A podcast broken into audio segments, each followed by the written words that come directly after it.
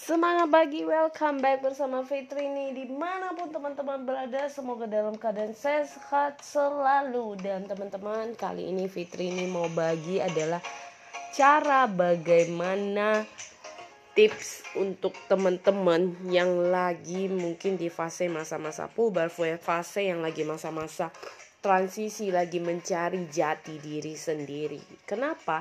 Karena dulu di usia saya kayak 23, 24 Kamu mulai mikir uh, nih udah kerja udah dapat income apalagi ya. Nah teman-teman yang sempat saya sesali adalah kenapa waktu di zaman zaman itu saya nggak benar-benar fokus di bisnis yang saya jalankan saat ini. Setidaknya dengan saya fokus gitu ya.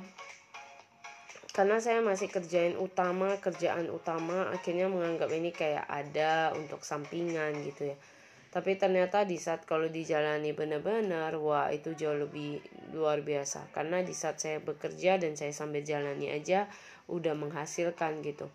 Nah teman-teman yang lagi cari jati diri sedikit tips buat teman-teman adalah di saat teman-teman masih usia 20 21 ayo mulai open mind teman-teman. Kenapa? Jangan sampai teman-teman ketinggalannya adalah teman-teman nggak menyadari umur itu semakin tahun cepat bertambah gitu ya kita nggak sadari.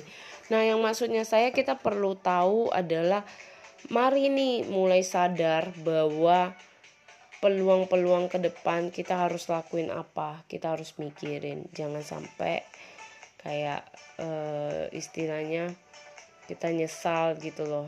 Padahal kita tahu perjalanan kita sebenarnya masih banyak yang bisa kita lakukan kita kembangkan. Jadi jangan sampai teman-teman merasa oh masih usia segini ah gak apa-apa lah.